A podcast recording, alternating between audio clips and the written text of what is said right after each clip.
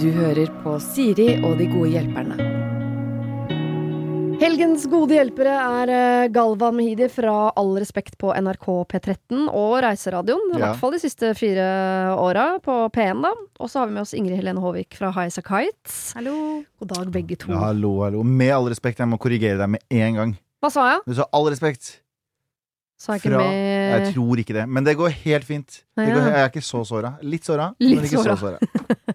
Da får jeg ikke all den respekten jeg Nei, fortjener ikke fra det deg. Ikke Nei. foreløpig. Da må jeg jobbe meg fra bånn og opp. Det skal jeg absolutt gjøre. La oss snakke litt om høsten, da, dere som står foran oss alle sammen. Uh, eh, Ingrid først. Du har jo du er aktuell med ny musikk nå i starten av september. Ja, 3. september så kommer en ny singel. Og det er derfor jeg er her. For å promotere. For å promotere den. Ja. Ja, gjør det, da. Fortell om den. Å uh, ja, nei, det hadde jeg ikke forventa. Jeg vil bare si at det kommer. Ja. Uh, det, jeg, jeg vet ikke hva jeg kan si, for dette kommer 3. september. Ja, ja. Så da kan jeg si at det faktisk er to låter, da. Ja. Uh, Som slipper samtidig. som slipper samtidig. Så dobbel singel. Vi, vi sliter litt med hva vi skal kalle det, og hvordan vi skal promotere det. Ja. Dobbel singel, eller bare to singler på en dag. Og så slipper du jo en uh, human tredje singel òg, hvis du skjønner hva jeg mener. Det kommer ut en liten babys omtrent eh, samtidig, som skal da uh, være hjemme hos deg, høre på denne musikken på radio. Ja, eh, jeg håper jo det, da. Ja. At den kommer ganske snart. Ja. Men jeg har egentlig ikke termin før 28. september. Nei. Men eh, Plutselig. Du vet ja, aldri. jeg vet aldri. Jeg veit ikke hvordan det fungerer. Jeg, ser, jeg bare nikker og smiler med. Ja. Det med musikken eller det med babyen, eller alt? Alt, Kombinasjonen. Alt det, hva, er vi, hva er det vi egentlig gjør her, tenker jeg. Det er det. Men du hører at Ingrid kommer til å få en hektisk høst. Veldig. Med, uh, Meget. Ja. Og hvordan blir din høst? da? Blir den hektisk, eller blir Det blir veldig mørk og trist, tenker jeg. Jeg høstdepresjon. Men jeg liker jo at det har blitt høst, da. Jeg er jo veldig, jeg er jo veldig sånn eh, Sommeren er litt for mye glede ute okay. til at jeg, jeg får sånn FOMO. Jeg får eh, konstant Jeg tenker sånn Jeg har ikke gjort nok. Jeg har ikke gjort nok. Så nå som hel, eh, liksom høsten kommer og mørket kommer, så blir jeg litt glad av å være trist. Du skjønner hva jeg mener? Ja, for jeg fikk ikke den setningen til å stemme sånn. Jeg er høstdeprimert, men jeg er veldig glad i høst. Ja, ja, men jeg er glad i, å, glad i å ikke tenke sånn Jeg må gjøre ting hele tiden. Jeg, Mm. må, jeg, blir- jeg, blir litt for, jeg blir litt for gira av at alle har det gøy. Å ja, da er det ikke en høstdepresjon, da tror jeg bare du er en litt sånn melankolsk type. Så Der du, har du det, vet du. Der har du det, vet du. Det det.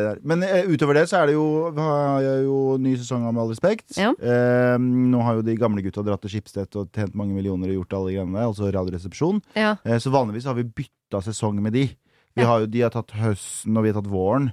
Men nå var det ingen der, så var det sånn, det var bare, vi bare fylte den plassen. vi. Ja, Vi nå tar dere alt. Vi tar bare alt. Hele bordet Ja, er det de tenkte sånn, nå er gutteklubben ute, da tar vi den nye gutteklubben inn der. Det var liksom ikke noe forandring. Jobber det noen jenter i kanalen hos dere? Eller? Jeg tror jo da, det er vi har jo Ingrid Simensen og Ingrid Simensen. Ja, Ja. det har vi det. Fin gjeng, det. Ja. Fin gjeng. Ah, Er du glad i høsten da, Ingrid? Eh, nei, jeg liker best sommer. Vår og sommer. Ja. Og så er høsten eh, og, Høsten er grei, og så vinteren er helt eh, balle. Enig. Så gleder jeg meg bare til eh, mars.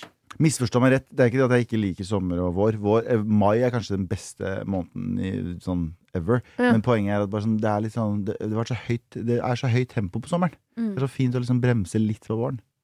Det jeg liker med høsten, er at det blir mørkt tidlig, sånn at man ikke trenger å ha dårlig samvittighet for å gå inn. For jeg er glad i å være ute, men jeg er også glad i å være inne. Og det bare føles Føles ut som man har feila i livet når man går inn klokka åtte midt på sommeren for å se på TV. Når, men hele kroppen min vil bare det.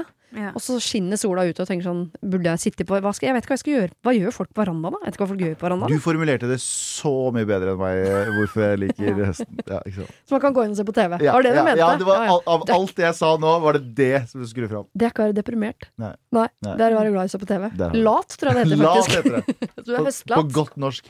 Greit.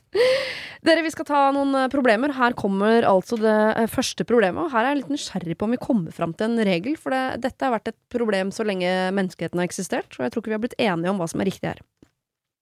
Jeg og venninnen min er forelsket i samme fyr. Oh. Hva er da mest rettferdig? At begge prøver seg? Ingen av oss prøver seg? Hvis begge prøver seg, hvem skal prøve seg først? Skal vi spille med åpne kort? Er alt lov her?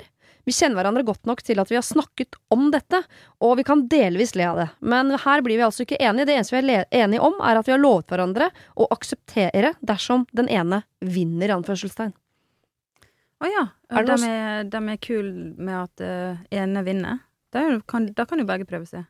Ja, for jeg tror de mener at hvis han velger en av de, så må den andre på en måte respektere. Det er ikke sånn at da får ikke hun lov. Men de er litt sånn frem dit, da. Hva er kjørereglene? Um, jeg er med på den eh, første mannen til Jeg er ikke med på den første mannen til mølla, eh, mener jeg. Jeg er med på at begge kan legge inn aksjer, så får pers øh, fyren velge. Fordi Ja. den der, jeg så han først, hva betyr det hvis han ikke har lyst på deg? Så jeg mener? Jo, jo. Jeg, jeg har vært med på noen kompiskrangler som har vært sånn der. Der han fyren har vært litt keen på ei, og så har han andre blitt uh, sammen med henne. Og så har det vært sånn dårlig stemning på grunn av det. Sånn, ja, men da har ikke du game til å bli sammen med henne, skjønner du? Jo, jo. Så Jeg så jeg, jeg er for at begge to skal kaste inn aksjene, så får du se hva den andre personen liker. Ja. Jeg syns det er så enkelt. Jeg synes det er en veldig enkel løsning på det. Jeg, Jeg syns egentlig det. At det liksom eh, Men, men det, man sier jo nå at det, at det kommer til å, å fungere helt fint, og at det ikke skal være noe hard feelings, liksom. Men kanskje det blir det likevel, da. Ja. ja, for du tror ikke helt på det? At det ikke det blir Det blir flaut for den som ikke fikk det til, tror jeg. Ja. Men var det bestevenn, var det hun sa? ja. Ja, men det er low-key. Det funker jo litt med sånn trekantdrama Ikke trekantdrama, sånn trekantforhold. Det er noen som har det. Har du ikke, det er Annenhver uke så er det sånn, i hvert fall Dagbladet, for å si det sånn, den avisa som elsker sånne ting. Det er sånn 'Disse er i trekantforhold'. Se hvordan de lever livet sitt. Jo, Du vil ikke tro hva de gjør. Men er ikke det de samme tre som vi lager nyhetssaker om hele Eh, tiden? Jo, det er faktisk det. Jeg tror det er, de, det er bare de tre. det, er faktisk det. Og hvis disse to jentene her som skriver inn hit, eh, hadde vært av typen til å tenke at en, et trekantforhold hadde vært greit, så hadde de nevnt det. Det er jeg helt sikker på i mailen. Men det er bestevennen din. Jeg bare sier det. Dere kan få det til å funke. Dere kan få det til å funke. Og det hadde jeg deg så intenst mye. Men jeg er også usikker på Er det ingen som tenker at ingen burde prøve seg? Nei, nei, nei. nei. Fordi Nei, for det, at det blir jo så Det kan jo bli så kjekt. Mm. Tenk på hva du kan gå glipp av, liksom. er for den som vinner, ja. Ja, for den som vinner. ja. Ja, for den andre, ja, for, ja, men det er et godt poeng. Den andre kommer jo til å føle Du sa det i stad, det blir litt flaut for den som ikke klarte seg. Så det er jo med å finne en løsning på det. det er jo, Den personen må jobbe med seg sjæl, tenker jeg. Den som ikke vinner? Den som ikke vinner, må jobbe med seg sjæl. Det, er ikke- det er ikke de som vinner sin problem at noen taper. Det er så bra at vi snakker om kjærligheten og sånn gameshow eller reality-program.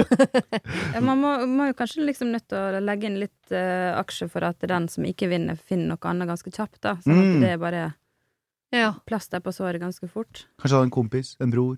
Men hvordan blir Ja, det er fint at vi snakker litt om han, Fordi hvordan blir det for han når han vet at uh, her velger jeg den ene, eller kanskje ingen, det må dere også være åpne for, at han kanskje ikke vil ha noen av dere, uh, og så vet man at venninnen er også forelsket? Mm. Blir ikke det en litt sånn klein greie? Mm, øhm, jo. Jo, men jeg tror jeg hadde blitt glad. jeg. Jeg hadde i hvert fall, hvis det var han, syntes at det var stor, stor stas. Det, Ja. er ikke noe, det er ikke noe som burde være på hans skuldre, tenker jeg. Han er en, han er en eh, offensiv part her. Så Hva han- tenker du da? At, han- at han Nei, jeg bare tenker Hvis jeg skulle hjem til en fyr da som jeg hadde blitt akkurat sammen med, og så øh, satt kompisen hans som akkurat hadde prøvd seg, så jeg tenkte litt, at jeg hadde følt hver gang jeg møtte han, så måtte jeg forklare, si litt sånn, gå med hatten i hånda og være litt sånn Unnskyld, Ja. du er ikke øh, videre til Oslo, jeg valgte kompisen din, eller jeg bare syns det hadde vært litt flaut, da. Hvor lenge skal man holde på, da? eh, før man sier at snøret er i bånn, på en måte? For at skal man liksom drive og ha besøk av Skal begge to gå på besøk til han? For at da syns ikke jeg at begge to skal legge inn alle aksjer, hvis at man liksom Ja, i dag er det min tur å være Men Ingen er kjærester med han, og så Nei, jeg, Jeg, jeg tenker I sosiale medier-tider så er det veldig enkelt. ok.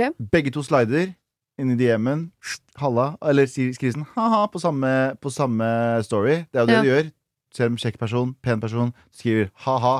Det er, det er i hvert fall sånn Er det en greie? kidsa gjør. Ja. Eh, eh, og så eh, venter du til hvem er det han fører samtalen videre med. Hvis han skriver sånn Oh. 'Ja, det var sjukt', skriver han, ikke sant? Mm. Og så svarer han, og så liker han bare den andre posten. Da har du fått bekrefta hvem eh, han liker. mm. Da har man gått inn med eh, Man Samme har gått inn effort. med samme ball, liksom, liksom, og så ser man hvilken ball han tar imot. Nettopp. Det er faktisk ikke så dumt. Mm. Kanskje det er måten å gjøre det på. At man går for sånn I dag prøver vi oss begge to samtidig Mm. med det samme sjekketrikset, og så ser vi hva som lander. Men det er det som er så deilig med sosiale medier, at du, der, får du, der får du veldig bekreftelse veldig fort. Hvis du får en hvis du skriver en ha-ha eller whatever, og du får en like, da vet du det er, game er shirt, Kast ut alle, liksom. Det er ikke vits å prøve mer. Men hvis du får en sånn videreføring av den samtalen her Dere ser veldig forvirra ut med hele gjengen her. Er det bare jeg som driver sånn Jeg her? syns bare det er så kult sånn ungdomsspråk. Ja, ok. Også, hvis, men hvis de viderefører, Ja. eh, motparten viderefører, da vet du personen er interessert i å prate litt mer. Ja? Deilig at det har blitt så enkelt. Ja. Fader at jeg Produsent, liksom eh, produsent på side her, Ja. siden her nikker Ja, ja. bekreftende. jeg, jeg, jeg fikk meg fast følge, som jeg sier, da, lenge før eh, sosiale medier eh, kom til byen. Så er det, jeg er altså så gammel på greiene der. Jeg har aldri hørt om de tingene der. Du er ekstremt heldig. Jeg er ekstremt heldig. Ja. Ok, dere er gode på å, dette, skjønner jeg, så da gir jeg dere muligheten til å redde en person til som er midt i en flørtekrise. Hei, Siri og dine gode hjelpere. Jeg er en singel jente i starten av 20-åra som i sommer har vært på hjemstedet mitt, en liten bygd hvor alle kjenner alle. Tidlig i ferien møtte jeg på en litt eldre gutt som jeg har kjennskap til. Vi kom i prat, og samtalen gikk lett. I etterkant har jeg tenkt mye på han. Evaluert han til å kunne være en potensiell kjæreste, samt gått rundt med et håp om at jeg tilfeldigvis skal treffe på han igjen. Det har dessverre ikke skjedd. Nå er ferien over for min del, og jeg er tilbake i byen hvor jeg studerer. Likevel klarer jeg ikke å legge fra meg tanken på å bli bedre kjent med den gutten. Hva gjør jeg? Vi er venner på Facebook, men selv hadde jeg nok stusset litt over å plutselig få en melding av en yngre bekjent jente. Må jeg rett og slett legge fra meg tanken på hele gutten nå som jeg er langt hjemmefra, eller har dere noen gode råd til hvordan jeg kan ta kontakt med han uten å virke helt syk i hodet? Jeg vet jo ikke engang hva han tenker om meg, eller på sikt, eventuelt, om et forhold. På forhånd tusen takk for alle gode råd, stor klem fra meg, Kanna-Marit. Her har jo du skissert en løsning allerede, Galvan. Du Ja, kan bare slide har- inn en ha-ha, eller hva det var i DM-en. Jeg har allerede skrevet det. For det første, old. Eh, Du kan ikke drive og bruke Facebook. Du er en ung jente. Å, ja. Ingen unge jenter som bruker Facebook. Du må bare finne Instagrammen hans.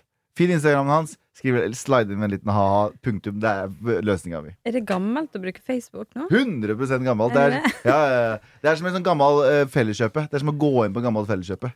Kan vi ta en runde på alder? Inger, hvor gammel er du? 34. Ja. Galvan? Vi er like gamle. 33. Eller 32, da. Jeg blir 33 snart, så jeg holder på 32 fortsatt. Ja, ok. Ja. Så det er samme alder på dere to, Ja. da, på en måte. Ja. 87-modell, ikke sant? Mm. Ja, 88. Men da, du mener at Facebook er for gammelt. Det er nytt Ja. for deg, Ingrid. Ja, det, eh, jeg tenker at det er noe alle har, er at det kanskje ikke er aldersbestemt. For 70-åringer også har jo Facebook. Ja. Men å ha Facebook er veldig vanlig. Men Men skal fortsatt. ikke bruke Men du skal ikke bruke det? Nei, nei, nei, jeg bruker ingen som bruker Jeg bruker Messenger. Jeg kan like så godt bare slette Facebook-appen. Messenger-appen kan du fortsatt ha. Men kan hun sende han en melding på Messenger? da? Nei, det, det, er, det er weird. Det er kommunikasjon. Jeg tenker fortsatt finn Instagrammen hans. Eller Snapchatten hans. Eller er det bare jeg som prøver å være ung for hardt her nå? Halla, kids. Eller kan du bare kjøpe et skateboard, og så skater du ned til ham? Capsen bak fram.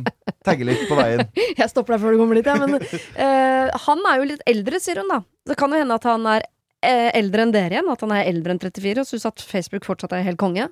Og i og med at det er Facebook hun nevner, så ja, greit Instagram, da, men samme om hun skriver på Instagram eller Facebook, men hva kan hun i det hele tatt liksom henvende seg til han fyren? De Det virker ikke som de har klina engang. Hun har bare sett for seg at dette er mannen i hennes liv. forstår ikke, Hvorfor ikke? Var han så steingammel, eller var det hva? Nei, men eh, oppi hodet hennes så har jo de eh, veldig god kjemi, men for han kan dette komme som lyn fra klar himmel. Men er ikke det den sjansen alle tar i, i begynnelsen, på en måte? Eller det er den sjansen mange burde tatt, men som veldig få tar, tenker jeg. De fleste ender jo med å ikke tørre å sende den meldingen. Spørs jo også hvor ung Ja. hun er. Nei, jeg, jeg, 20 år, da. jeg hadde bare sendt den meldinga. Ja, hva har du skrevet, da? Eh, hva har du skrevet Ha-ha. Nei, ja, Nei. kanskje Jeg vet ikke.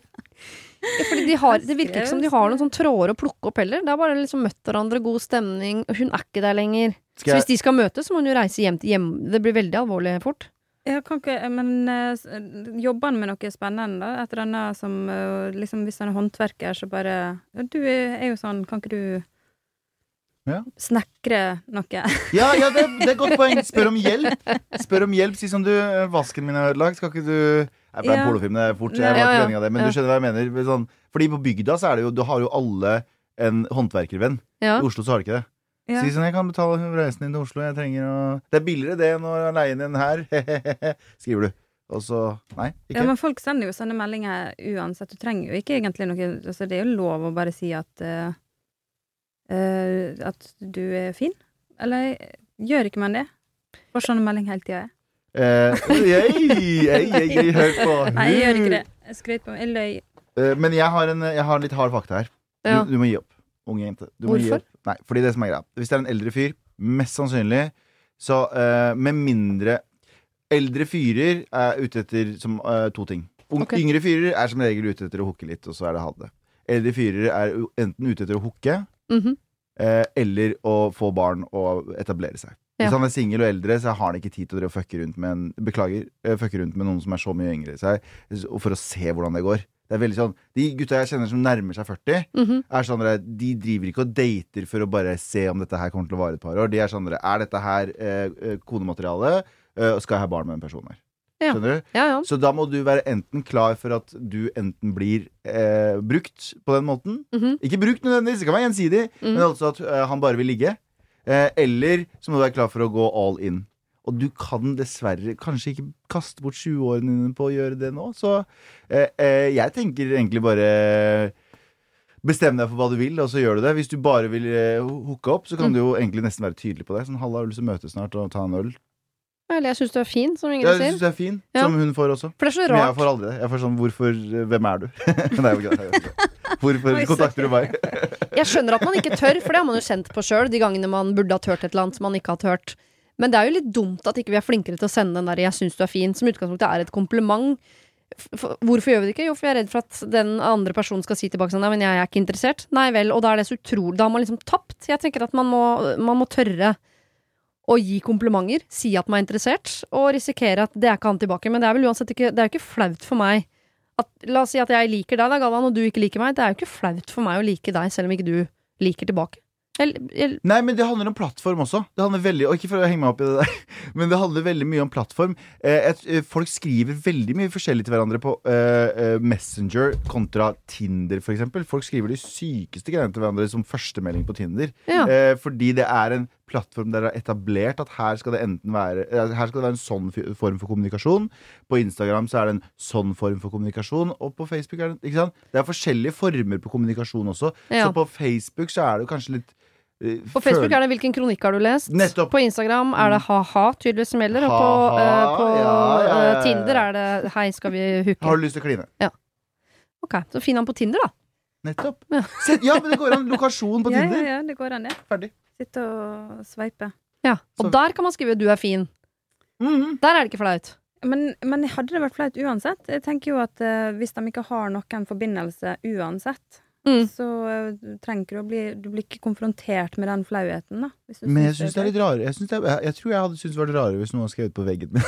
Eller på Det var en overskridelse. Det var bare et gammelt eh, Men jeg mente, hvis noen som har skrevet til meg på Messenger sånn 'Halla, jeg syns du er fin', så jeg tenkte sånn Hvorfor gjør du det her? Veldig Hadde du skjønt det? Jeg hadde ikke reagert på Hvis hva Da svarer, medieplattform. nei, da svarer enten sånn 'så hyggelig', da er det ferdig. Eller sånn 'jeg syns faktisk du er ganske fin òg'. Nei, men, men jeg, jeg jeg er uenig i det. Fordi du vet sånn Hvis du er på byen Mm. Eller hvis, la oss si jeg står på, står på butikken, og så kommer det en eh, jente bort og sier sånn Du, jeg syns du er fin. Ja. Eh, noe som fucking aldri har skjedd, og jeg er dritlei meg for det. Men Mm. hvis det hadde skjedd, så hadde jeg tenkt sånn Du er litt rar, du. Og det hadde gitt meg litt sånn av, Jo, men liksom, du har aldri truffet henne før. De her har jo hatt en øh, Ja, men- De har ja. truffet hverandre i sommer og Men nå tok jeg det til det ekstreme. Ja, At man skal gå bort til noen og si at de er rare? Nei, jeg mener at hvis jeg står på, hvis jeg står på butikken, og noen Ja. kommer bort til meg og sier sånn 'Halla, du var fin', eller eh, bla, bla, så syns jeg den Da hadde jeg automatisk tenkt sånn 'Du har ikke noen sosiale tenner, og du er rar'. Men hvis jeg hadde fått den samme meldingen på Instagram, eller en ha-ha, eh, da hadde jeg tenkt sånn 'Oi, du er, du er innafor. Du veit hva du driver med'. Skjønner du? Ja, det hadde vært veldig invaderende på butikken. Ja. Jeg er enig. Plattform, plattform, plattform. Jeg husker fortsatt han mannen med hunden på Rema 1000 på Sankthanshaugen som sa til meg 'du har et veldig fint smil, du burde smile oftere'. Oh my god, det er jo bare Da tenkte ikke jeg 'du er rar', tenkte sånn 'deg burde være flere'. Jeg Å, gjorde. Han det. gjorde dagen min, uka mi, og tydeligvis livet mitt. Det er sikkert 30 år siden. Jeg tenker på det nå. Og jeg følte at du var litt sexist, jeg. Sånn der, 'halla, smila, baby'. Var Ja, nei, ikke nei, sånn? nei, det sånn? var ikke det. Han var så friskus eh, type. Ah, ja. Det levde jeg på i årevis, de greiene der. Så det syns jeg man kan gjøre oftere. Så en liten 'du er fin' syns jeg hun kan sende. Eller 'jeg trenger hjelp med noe rør som har gått lekk her i storbyen'. Syns jeg man kan høre. Eller finn han på Tinder, eller finn han på Instagram og send en ha-ha. Ja. Mm. Finn, finn, finn riktig plattform for det behovet du har. Ja. Eller del en Ja. kronikk med han på Facebook, hvis det er det du ønsker. Ja. Vi skal eh, til et eh, bryllup. Her står det. Kjære Siri og det gode hjelperne. Takk for at dere forsøker å løse folks problemer. Nå trenger jeg hjelp med mitt problem. Og jeg håper dere kan hjelpe meg. Jeg skal gifte meg, og jeg strever med å finne ut hvem jeg skal invitere. Eller ikke invitere, da. Det er noen år siden vi forlovet oss, ble jeg nødt til å utsette pga. covid, og jeg valgte forlovere ganske fort. Begge to venner jeg hadde hatt i over ti år. Ikke så lenge etter havnet jeg i en stor krangel med den ene forloveren min, og nå snakker vi knapt sammen. Vi har ordnet opp, men jeg føler vel egentlig ikke at det har ordna seg.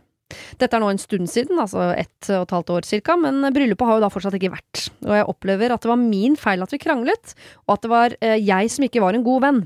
Men vi har knapt sett hverandre siden, og ikke snakket sammen. De gangene vi har sett hverandre eller snakket sammen, eh, opplever jeg at det har vært kleint, ubehagelig, men jeg vet ikke om det bare er jeg som har det sånn. Vi snakker i hvert fall eh, veldig lite sammen, og det hadde ikke vært naturlig for meg å fortelle henne at min mamma og pappa skal skilles, for eksempel, noe som jeg tok tungt da jeg fikk beskjeden. Før krangelen ville hun vært en av de første jeg hadde fortalt det til. Det jeg syns er vanskelig nå, er at jeg opplever at vi har sklidd så langt fra hverandre at hun nesten er som en fremmed, på tross av at vi egentlig kjenner hverandre uh, gjennom mange år. Jeg vet ingenting om livet hennes, og hun vet ingenting om mitt. Hun skal naturlig nok ikke være min forlover, men jeg lurer på om jeg må be henne i det hele tatt. Vi har som sagt da ikke snakket sammen. Eh, Jeg har prøvd å ta litt kontakt noen ganger, men jeg opplever at det blir avfeid, at hun egentlig ikke er så interessert i å holde kontakten. Jeg føler nå at det er helt unaturlig å be henne, og kan jeg la være? Kan man gå fra å være forlover til å være uinvitert? spør hun. Hun, hun opplevde det som at det var hennes feil, den krangelen. Mm. Men eh, kanskje hun ikke har sagt unnskyld bra nok, da? Hvis Det det, kan godt fortsatt er kleint. Ja. Så du tenker at de burde ta en prat? Jeg tenker at uh, Ja, at det er i hvert fall fint å si ordentlig unnskyld, på en måte. For at det er rart hvis det fortsatt er kleint. Ja. Hvis det egentlig er ordna opp. Ja, men noen ganger, jeg tenker at den kleinheten også kan være, for det hender at det er en krangel som skal til for at man skjønner at våre liv har jo tatt virkelig Mm. hver sin retning. Mm. Det vennskapet vårt, det baserer vi fortsatt på at vi spilte håndball sammen når vi var sju. Mm. Vi har egentlig ikke så veldig mye mer til felles enn det, vi har bare hengt sammen fordi det har blitt sånn. Og at den krangelen egentlig var en sånn øh, litt deilig dør ut av det vennskapet. ja. At det er derfor kanskje ikke de har noe til felles lenger. Kan du også starte med å sende en liten he på Instagram og se om det går bra? Nei, bare tulla. Bare tulla. Løsning på alle problemer. Ja, ja, ja, Liten ha-ha. Liten ha-ha. Men jeg, jeg tenker at um, Er det så viktig for deg? Hvis, ja, tydeligvis er det det. Du sender en mail til oss. Ja. Uh, så det er jo tydeligvis veldig viktig for deg. Men um, jeg tenker en av to ting. Hvis du ikke klarer å unngå den følelsen, send en melding. Legg deg flat og fortell hvor mye det hadde betydd for deg hvis den personen kom. Det må du bare. Ja. Plass, på- Jeg syns ti år eh, langt vennskap er mye å kaste Ja. eh, ut. Er det ikke det? Ja, jeg syns det. Ti år eh, da Ja, hvis det bare er håndball de har sammen, på en måte, og ingen spiller håndball lenger, så er det jo sikkert Håndball var noe jeg fant på bare, altså. Men, Nei, men ja. ja. hvis det for eksempel er det, da, så er det så med ti år, da. Ja. Gode venner og skulle vært forlover, og så skal det plutselig ikke være en del av livet ditt, og Sa hun noe om at de bodde langt fra hverandre? Nei. Nei, ok, hvis, de, hvis, hun er, hvis hun bor rett nede i Sørkedalen, eller hva det heter for noe der hun er fra, så hadde jeg eh, skrevet en melding eh, og skrevet nettopp dette her. Ja. Akkur akkurat det du skrev til oss, syns jeg var såpass fint. Det med at eh, du, du hadde vært den første jeg hadde sagt det til. Jeg syns det er sykt eh, utskill at vi ikke brukte de ordene, fordi igjen, jeg er ung og kul. Eh, men sykt uh, Det er ikke de fleste forunt. si. Nei, det er Nei. det, vet du. Eh, men si sånn eh, Si det du sa til oss, basically. Eh, og på en annen Ja. På en, formulere på en annen måte, selvfølgelig. Men det kan jo også hende da at uh, hun som skal uh, gifte seg, da, som vi kan kalle for Mathilde, uh, ønsker å egentlig bruke denne situasjonen de er i nå, til å ikke ha så tett relasjon herfra ut. For jeg at Det valget du tar nå, det er litt avgjørende for framtida deres. For hvis du inviterer henne, så er det på en måte en invitasjon inn til at jeg vil at du skal være en del av livet mitt uh, framover også. Ja. Hvis du ikke inviterer, så er det Det er den spikeren i Da er de ti årene. Da ble det de ti årene. Og Ja. ikke noe mer. Er Så det er et ganske tydelig signal å sende du Mm. gjør nå, ved å enten invitere eller ikke invitere. Så da må hun jo tenke sånn. Vil du ha henne i livet ditt, eller vil du ikke ha henne i livet ditt? Det er veldig sant. Og hvis den personen sier etter du skriver sånn Yo, kan du være snill komme? Kanskje ikke bruke yo, men Mm. kan du være snill komme? Da tenker jeg mm, Hvis hun sier nei da, eh, da er det bare å gi opp. Da er det ikke noe, da er det ikke noe å samle på. Nei. Du, det, er- det er avgjørende. Bare skriv melding. Si det du sa til oss. Eh, legg deg flat og si at det hadde betydd fortsatt mye for deg. Fordi tydeligvis ligger det baki der et eller annet sted at du, du er veldig glad i den personen. Eh, og hvis den personen sier nei, så er det jo som sagt ikke noe. Fordi jeg syns alltid det er sånn fascinerende Du vet, kjærestepar som eh, har vært sammen i sånn 15 år. Og så har de slått opp, og så tenkte du å ja, de kjenner jo hverandre inn og ut. Og så hører du den ene si sånn Nei, den andre han er jo helt psykopat. Så jeg bare sånn «Å, Fant du det ut nå? Du har vært sammen med han i 15 år. Fant du det nå? Og nå er han psykopat? Ja, Ja. nå er personen psykopat, eller hun er bare sånn ah, Hun er helt crazy. Bare sånn, det her burde du ha visst lenge før. Jeg synes det er så fascinerende hvordan folk blir så ukjent fra hverandre bare pga. en hendelse. ja, er Skjønner du? Ja. Er det fordi man har vært fullstendig blind mens, i de 15 årene, eller Mm. har man bare godtatt mer? Eller har man påtatt seg en sånn Eller eh, hva heter det? Jeg tror man lager det for å rettferdiggjøre den avstanden man har lyst på. Nettopp. Jeg vil ikke ha noe med deg å gjøre. Jeg må Jeg gjøre det det, men bare, du må bli psykopat i mine øyne. Da sier jeg det høyt. Du er psykopat. Ja, for jeg har, jeg har ingen sånne forhold der vi har sånn, uh, vært sammen, ja, venneforhold eller noe annet. Det har vært sammen så lenge, og så plutselig sånn Nei, den personen er jo egentlig psykopat. Sånn, Da er det du som er dårlig judge of character. At de ikke klarer å se det for 15 år siden. Er det ikke? Ja, Ja, det ellers har man brukt 15 år på å surre seg inn i noe konfliktskyhet, og når man endelig kommer seg ut av det ved en tilfeldighet, eller ved at man endelig har fått litt baller, så, Ja, så blir det så tydelig på utsiden. Ja, jeg tror du kan leve i mange, mange år i en sånn fornektelse. Ja. Men hvis dere skulle gifta dere Ikke med hverandre, men Ja, hvorfor eh, ikke? Er du Det var gift, så forresten, koselig. Ingrid? Nei. Nei. Galvan, ikke gift? Jeg er ikke gift. Nei. Eh, det er forskjellige måter å tenke på i et bryllup. Enten så inviterer man ut fra fortid, at man tenker sånn Jeg vil på en måte eh, eh, Dette er en uh, hyllest til all tiden som har vært, ved alle barndomsvenninner, tanter, onkler og alt sånt der. Eller så kan det være en uh, nåtidsgreie. Hvem er det jeg henger med akkurat nå? Vi skal feire bryllup sammen, Ja. det blir gøy. Eller det kan være en slags investering i fremtiden, at man inviterer ut fra hvem man har lyst til å ha i livet sitt framover. Ja. Det er tre forskjellige måter å gjøre det på. Hva tenker dere er riktig? Jeg tror jeg er veldig godt for eh, nåtid, for jeg, jeg, har, jeg har egentlig ikke noen spesielt mange nye venner. Jeg har bare Mm. disse gamle. Så da, ja. det Så nåtid, fortid og framtid er, er de samme folka for deg? Ja, fortid og nåtid er det samme. Ja. Fremtid Nei, jeg vet ikke om jeg Jeg tror jeg kanskje jeg hadde syntes det hadde vært litt sånn Ja. Jeg håper jeg og du blir bestevenner, og så Jeg, jeg vet ikke, men litt sånn derre det Dette er en investering. Ja. Ja, ja, Jeg, jeg syns det var Æsj. Jeg hadde gjort et lite, gjort et lite bryllup hjemme med øh, nåtid. Ja. Fortid er sånn eh. ja. Det er sånn Ja, eller jeg, jeg tror jeg hadde gjort nåtid. Ja. Nåtid for meg er litt samme som deg også. Ja, men jeg, kom, jeg, hadde, jeg kommer ikke til å eh, røske fram gamle folk jeg ikke har snakka med på lenge, for å Hei, Martin! Husker du meg Nei. fra håndball? Jeg skal gifte meg. ja, Ut på vingen der, vet du. Så ja, jeg det? Men det kan være bare litt sånn sårbart å ta bare nåtid, for det er litt tilfeldig nåtid. Ikke sant? Jeg tenker sånn, eh, Når man har baby, for eksempel, så henger man masse sammen med andre som har baby, men ikke så mye med de single venninnene sine. Mm. Og da er det litt farlig å skulle feire et bryllup ut ifra det. Så glemte du hun egentlig veldig gode venninna di, men som du ikke har sett, fordi hun er på byen når du sitter hjemme og ammer. Og og det er en del sånn tilfeldigheter som gjør at nåtid kan være litt sånn farlig, tenker jeg, det er et bryllup, da. Så hvis det er noen som har betydd mye for deg i livet ditt fram til bryllup, så syns jeg det er fint hvis man har muligheten å kunne invitere dem. Men her tenker jeg at Mathilde må ta en prat med venninnen sin. Og som du sier, si mm. det hun har sagt til oss, men kanskje også spørre sånn uh, Hva tenker du? Har du lyst til å være i mitt bryllup? Tror du vi kommer til å synes det er rart, eller tror du vi kommer til å angre? Det skrev jeg til en venninne av Mm. meg, faktisk. Vi Ja. var eh, uvenner når jeg skulle gifte meg, men vi hadde vært veldig gode venner. Og skrev til henne at jeg tror vi kommer til å angre på om noen år at du ikke var i mitt bryllup. Det kommer til å kjennes rart om noen Mm. år at du Ja. ikke var der. Hva tror du? Og så sa hun jeg er helt enig. Og da ble jo det bryllupet en anledning til å på en måte sette en strek over den krangelen og Ja. gå sammen inn i fremtiden. Og det tenker jeg at Mathilde kan gjøre. Hvis hun savner venninnen sin, og det er den krangelen her som er ødelagt, så snakk med henne. Hva, øh, hva vil du? Tenker du at vi har en, også en framtid sammen? I så fall så har jeg lyst til at du, så er du en helt naturlig del for meg Mm. av dette bryllupet. Ja. Jeg, jeg, har, jeg har et issue med Jeg tror de som ødelegger for oss alle i verden, er jo de som øh, Det er to typer mennesker, og det er vanligvis samme type mennesker også. Det er de som sier sånn øh, 'Hvorfor ringer du aldri?' Og de som sier sånn 'Hvor var min invitasjon?' Det sånn, for det første, det er en grunn for at jeg ikke ringer deg. Det er en grunn for at jeg ikke inviterer deg. Og de gjør at vi blir livredde for sånne arrangementer.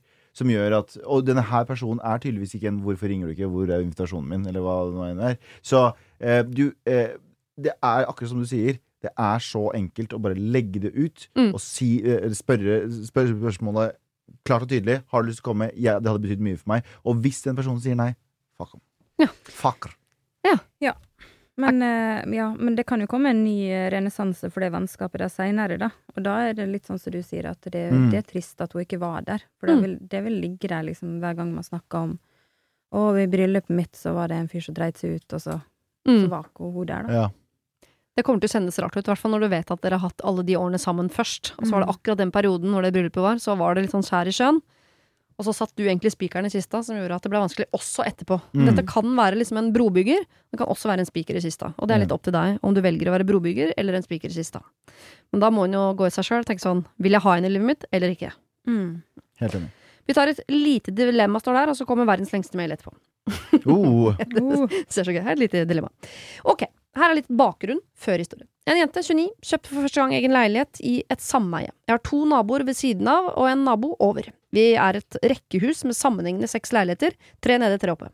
Da har dere fått Ser dere for dere bygget? Geografien Ja. blueprinten for hele greia. Absolutt. Alle naboene mine er utrolig hyggelige. Alle utenom én. Og selvfølgelig er det naboen jeg deler utgangsparti med. Dette er da en 50 år gammel mann som flyttet hit fra selveste Tigerstaden for å finne mer ro. I starten syntes han virket hyggelig, vi slo han øh, en prat flere ganger, øh, men han hadde noen smådrypp her og der hvor man kunne skjønne at han har et visst temperament. Som da jeg i vinter strødde finsand utafor døra vår så det ikke skulle bli glatt, og fant eh, neimen av gubben eh, med kosten i hånda hvor han sto og kosta bort all sanda. Bare for å gi et eksempel.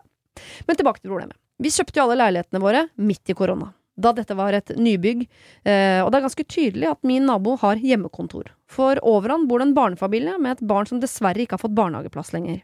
Og det er her problemet starter. Denne ungen er tre år gammel. Liker å hoppe og skrike og leke som enhver tre år gammel gutt.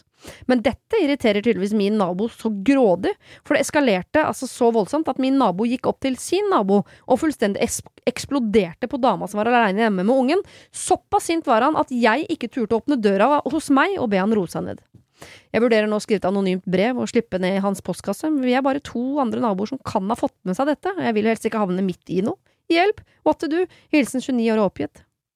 Var dette her den korte dilemmaet, eller var det den lengste? Hvilken var det her? Dette var det korte dilemmaet formulert i en lang okay, mail. ja. ja, ok. Stemmer. Mm. Mhm. Har en nabo som er illsint. Eh, det, det kan jo oppleves veldig truende å, å få en illsint eh, mann på døra. Går det an å anmelde, eller er Ja. det noe man kan som trakassering Ja, kanskje man kan det. rettslig. Eller går det an å gå sammen med andre naboer og få han tvangsflytta? Uh, Jeg håper det. Ja, for sameie, sameie, da kan man stemme folk ut. Kan man ikke det? Ja.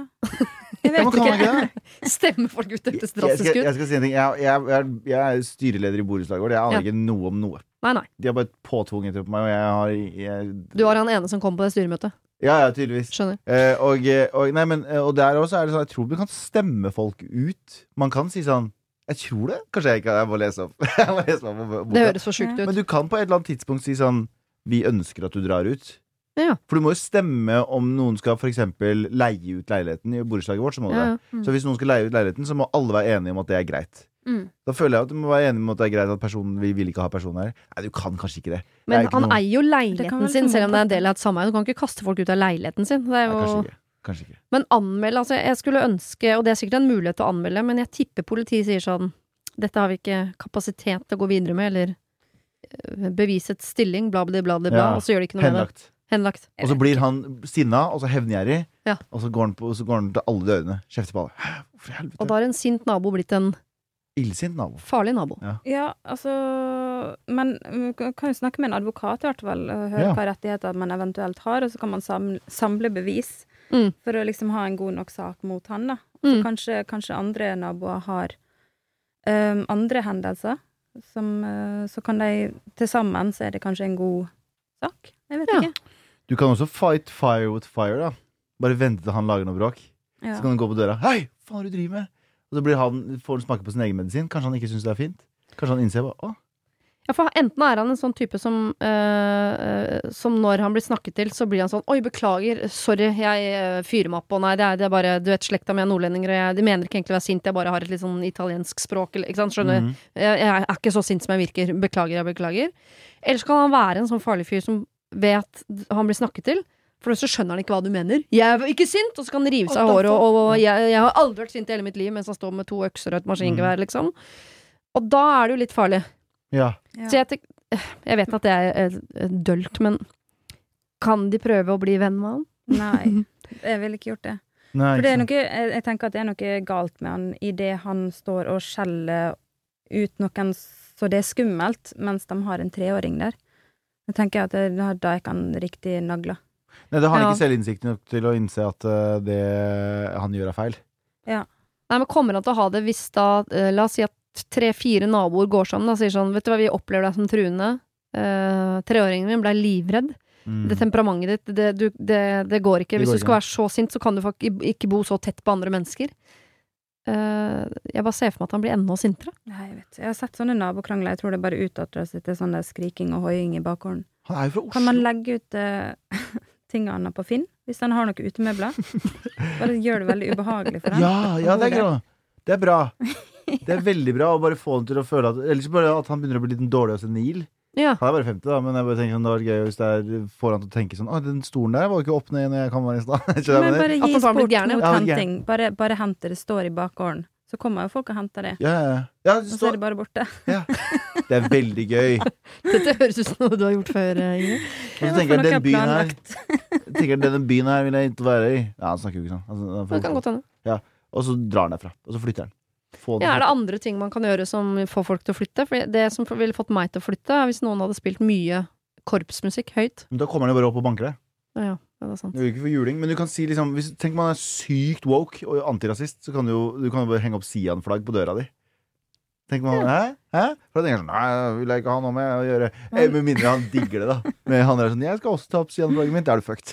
Da er du fullstendig fucked. Uh, mulig det er uh, forutinntatt av meg, men jeg tror nok heller det er motsatt. Ja, Ja, men, men da setter du opp, da setter du opp et islamsk flagg på din, sånn, eh, IS-flagget på din dør. Ikke sant? Så har du det du, du, må bare, du må bare gjøre det motsatte av det det han gjør.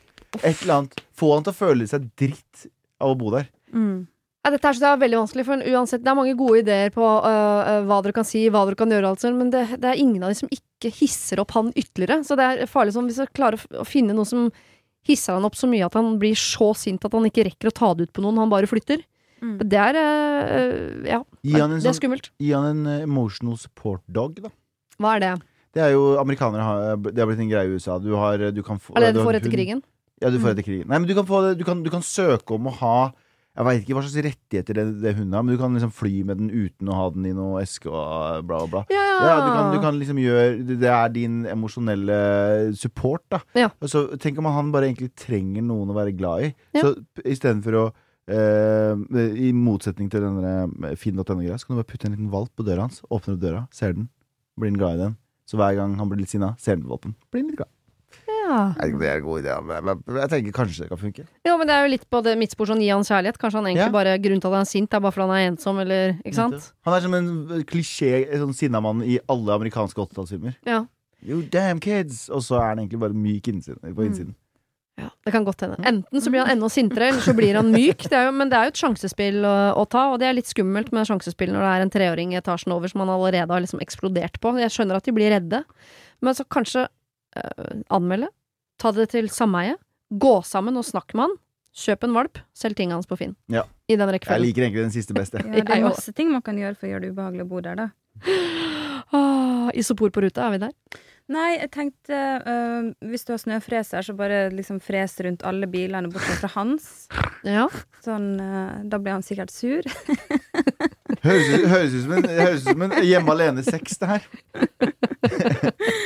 Vet ikke. Eller jo at de andre, hvis de andre viser at de er veldig snille med hverandre, at han tenker sånn 'Å, det der så hyggelig ut'. Ja. Hvorfor er ikke jeg med? Du er for sint. Ja. Du må ta deg sammen. Du kan få være med. Hyggelige fester i bakgården der han ikke har blitt informert. Mm. Ja. Mm. Uff a meg. Det er ja, egentlig forferdelig. Det beste for alle er om han flytter, men hvordan han skal få til det, veit jeg ikke.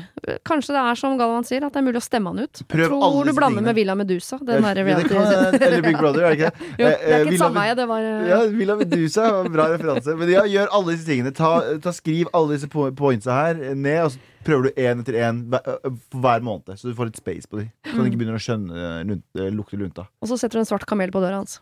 Hva er det for noe? Det er fra Villa Medusa. Er det det? De ga hverandre svarte og hvite kameler. Er du helt ute? Jeg husker ikke, jeg. Jeg var to da han gikk på TV.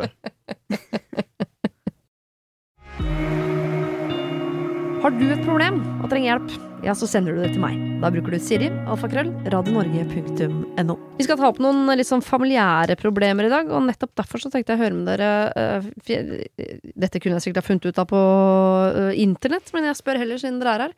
Familiemessig, hvor mye søsken og sånn, hva, hva har dere? Begynner med deg, Galvan. Eh, jeg har eh, fire søsken. Jeg har to brødre og to søstre. Hvor er du i Og en mor og far. Og jeg er nest yngst. Jeg er Ja. den mest anonyme av alle. Hæ? Jeg er mest anonym i familien. Ja, øh, Overraskende nok. I familien så er jeg han fyren som øh, stikker meg minst ut.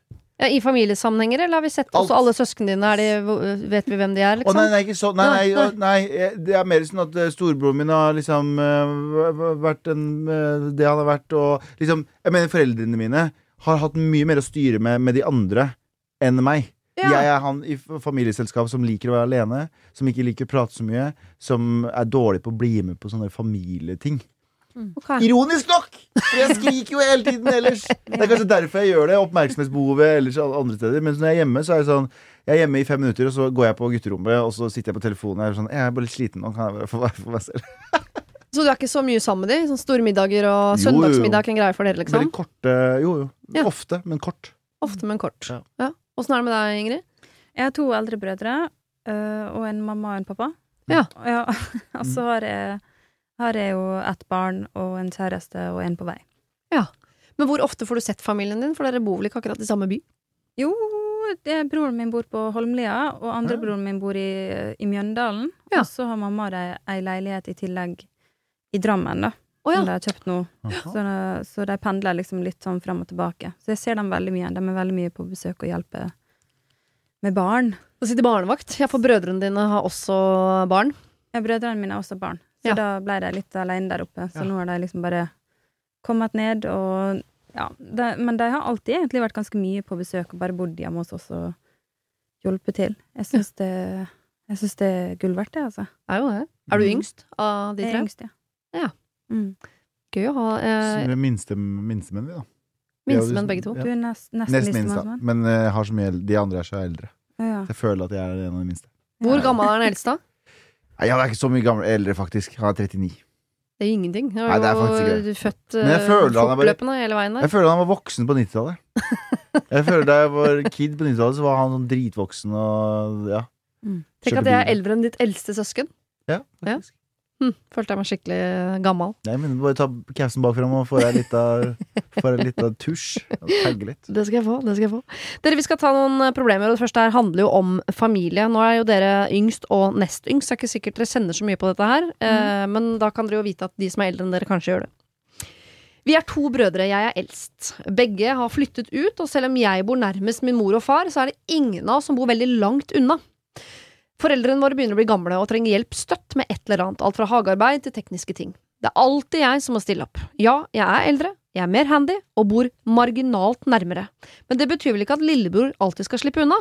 Han har verken mer tidkrevende jobb enn meg eller flere barn enn meg, men han bruker sykt mange timer i uka på golf. Men fader heller, skal jeg straffes for ikke å ha en ko-ko hobby? Kan jeg be om mer arv eller noe, ber han om til slutt jeg tror det er skrevet i sinne, denne mailen, men eh, han altså føler at det er han som alltid må stille opp for foreldrene sine. Er litt lei av det, og lurer på om han A. Kan han få eh, slutt på det, og hvis ikke, kan han kreve mer arv. Nei, han kan ikke kreve mer arv. Jeg syns ikke det var noen god idé. Fordi Nei, det, det må nå Altså, hvordan skal han få formulert det i testamentet? At liksom, du, nå driver jeg og hjelper dere så masse jeg vil ha betalt i form av arv når dere dør. Det er en helt forferdelig samtale. Ja. Jeg syns ikke det hadde vært verdt det, da. Men da kan han si det til broren sin, da? At den dagen mamma og pappa dør, så, så er vel vi enige om at jeg får mer enn deg. Høy, han høres ut som en sånn bror som type han golfbroren. Er sikkert også som, som griner litt ekstra på uh, i begravelsen, bare for det virker som at han er litt mer lei seg enn den andre personen. Skal, du er sånn? Du er sånn? Mm. Du er sånn folk? Nei. Jo, men, fordi han, men tror du ikke han har vært lillebror, så han har alltid liksom fått litt mer eh, han, er Mammas minste lille gutt, og Jo. fått litt mer sånn hjelp? Jo, men jeg, jeg, jeg syns ikke at man kan bruke det imot noen altså, Jeg syns ikke arv er verdt det, da, å ha en sånn konflikt som det der. Nei. Da, da syns ikke du har fiksa det godt nok i livet hvis at du gjør det sjøl så avhengig av arven til foreldra dine at du blir uvenner med broren din, liksom. Men grunnen til at han nevner arv, er jo han er irritert på lillebroren sin, som alltid slipper unna. Så hver gang han er hjemme og, og eh, g- kobler om det elektriske anlegget, eller uh, klipper hekk, eller hva han driver med, så er lillebror bare ute og spiller golf. Men gjør lillebror ingenting? Det virker ikke sånn. Spiller golf. Okay. Men kan man bare spørre bro, lillebroren om å gjøre litt mer, da? Kan jeg stikke og hvis, hvis at han ikke er noe handy, så kan han kanskje bare være der og holde deg litt mer med selskap, da. Det er jo masse verdi i det òg. Men det kan Ja. også hende at foreldrene dine stoler mer på deg. Jeg snakker av egen erfaringer. Ikke for å skryte, men de stoler mer på meg. Eh, jeg, jeg har lillebror, og jeg har en storebror, og jeg har to storesøstre. Eh, og jeg er den personen i familien som må fikse alt teknisk. Sånn som eh, rett før jeg kom her nå, eh, eller i stad, så ringte pappa meg og ville ha pikk- pikkoden til telefonen sin. Altså, jeg skjønte jo med en gang at det var pukkoden, men det var pikkoden. Ja. og når jeg kommer, så er det altså en sånn løpebånd. Og jeg overdriver ikke. Idet jeg setter meg i sofaen, så kommer pappa med PC-en på fanget mitt. Mm. Det er sånn, kan du fikse denne sjekklisten av ting. Og så er det mamma. Hun skal ha en ny HM-app som hun eh, skal bruke når hun er og handler på HM, og så har hun ikke passordet til det, og så må jeg bruke 14 år på å finne alt det der. Så, eh, og jeg spør jo alltid lillebror, som bor rett ved siden av dem, Mhm. gjør ingen av disse tingene. Men han er veldig flink på andre ting. Han kjører de til steder og sånne ting. Så, så det er fordelt. Ja. så jeg veit ikke. Forhåpentligvis så gjør denne eh, golfbroren noe, i hvert fall. Og hvis ikke, så er det kanskje fordi foreldrene dine stoler på at når du gjør ting, så blir det gjort. Når denne slaskete lillebroren din eh, gjør ting, blir det ikke gjort. Så du må ta det som et kompliment, kanskje, mer enn at du må ta det som en sånn Ja, men herregud. Ja, jeg, skjønner, jeg ser komplimentet i det, men jeg ser også allikevel frustrasjonen. For det er noe med sånn Å ja, så fordi jeg er flink og pliktoppfyllende Straffa på en måte er at jeg alltid må gjøre mest. Så fordi du er litt ubrukelig på de tingene som jeg er god på, så, så slipper du unna. Det er jo dritirriterende, da. Mm, ja. Det er jo fordi han aldri gjør det. Det er ikke så rart at jeg er flinkere enn deg til å klippe hekk, for jeg gjør det en gang i måneden. Du gjør det jo aldri. Da blir jo ikke du noe bedre til å klippe hekk heller. Men er ikke det foreldre sitt ansvar litt å fordele det året? Jo, godt absolutt. Godt godt Men de har jo ikke tatt det ansvaret til nå. liksom? Ja, men bare spør da. Jeg syns at jeg må gjøre så masse. Kan ikke han også gjøre noe? Ja, kanskje det er bedre å si det til foreldra enn å si det til broren. For broren har det sikkert helt fint med at han får lov til å bare bruke all sin tid på golf. Men etter min erfaring så hjelper ikke det. Jeg har spurt om det tusen ganger. Når de ringer meg og spør om flybilletter, så sier jeg men er ikke han hjemme, da? Og så Mhm. sier eh, de jo, men eh, det er du som kan det. Han bare slurver det til. Mm. Så jeg tipper at det har mye med det å gjøre også. Ja. Uff meg, jeg lurer på om jeg kanskje er den av mm, Som aldri gjør noe? Ja, som aldri gjør noe. Ja, men noen er du, Kjenner ikke igjen i problemet. Ja, men du har, du har ditt, ikke sant? Du har jo, du har jo musikken og, og liksom all, Du har den tingen der folk kan si sånn 'Det er dattera mi på TV', 'Det er dattera mi', og så har de andre sånn 'Det var sønnen min som fiksa den hekken der'. Så Ja. du har hver deres oppgaver. Uheldigvis har jeg blitt begge. Jeg har hatt fikseting og han fyren som er på radio. Den beste ungen, med andre ord. Nei, jeg er ikke det heller, fordi jeg kommer aldri på besøk. Men eh, kan, kommer du til å kreve mer arv? Nei, ikke i det hele tatt. Nei, det er bra. Ikke det helt, altså. Så til siste setning skal vi være enige med at ikke be om mer arv. Det er koko å be om, det kan du ikke gjøre. Eh, skaff deg en tidskrevende hobby du òg, da. Så når de ringer, sier sånn 'sorry, har ikke tid', spør broderen. Mm. Kanskje man kan oppdra foreldrene sine på Ja. den måten. At hvis man ikke er så tilgjengelig bestandig, så, så kanskje de er nødt til å begynne å spørre noen og si 'jøss, han kan Ja. jo klippe jeg kan òg'. Jeg tipper at arven er egentlig for å si fuck you til broren, ikke for foreldrene. Fordi det, eh, ingen med vett i hodet vil eh, kreve Eller eh, i hvert fall ikke som har hatt en grei barndom, da. Vil si til foreldrene sine, som har eh, livnært deg i alle disse år, som egentlig hadde kassa seg foran en kule for deg, til og med nå. Eh, så sier du sånn Ja, men jeg vil ha penger for å gjøre det der. Det er det. Jeg tror nok han mener en sånn fuck you til lillebror. Det er til lillebror, ja. Ja, Det er jeg også helt sikker på. Ja.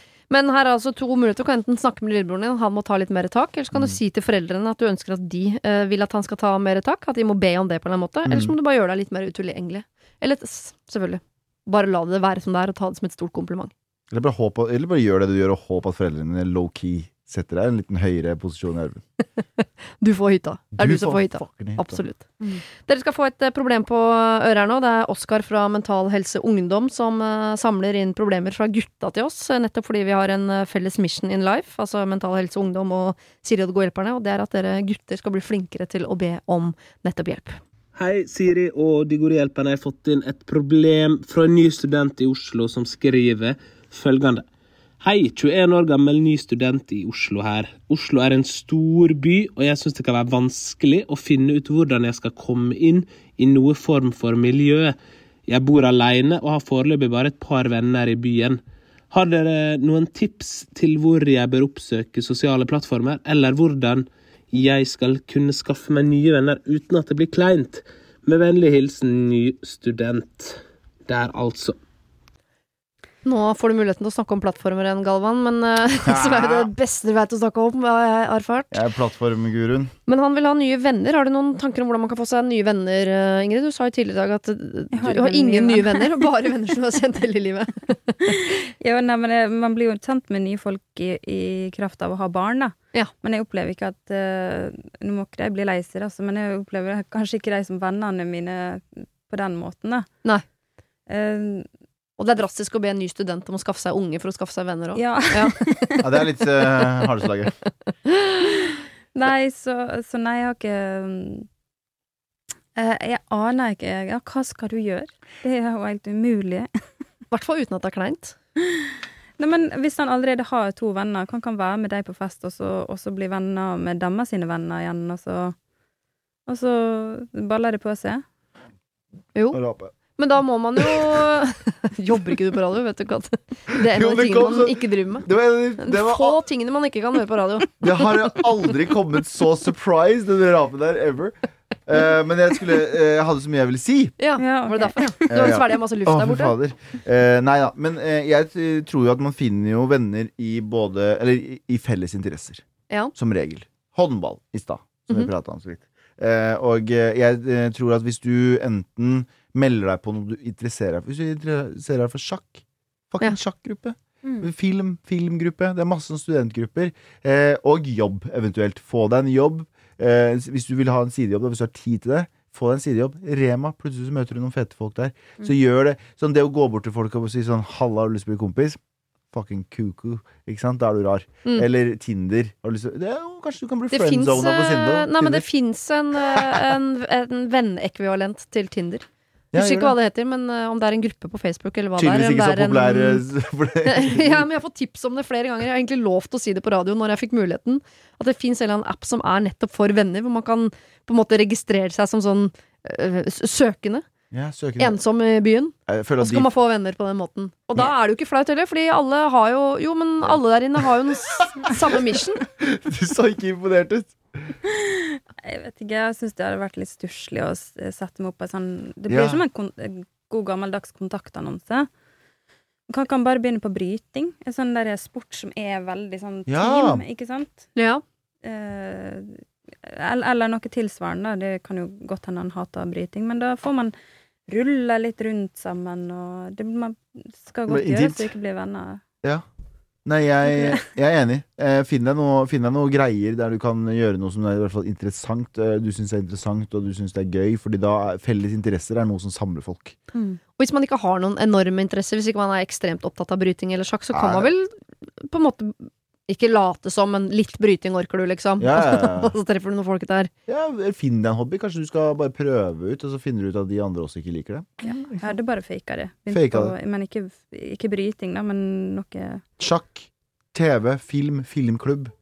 Eh, ja, det så du ikke imponert eh, Nei, jeg blir bare sittende og lure på Før i dag så snakket jeg om en som var eh, forelsket i en fyr, og da skulle hun bare si det, liksom, på en eller annen måte. Hvorfor er det så flaut? Er det så flaut å like han selv om ikke han liker deg? Men hvorfor er det så flaut å fremstå som jeg, har, jeg er nyinnflytta til byen, jeg har ikke noen venner.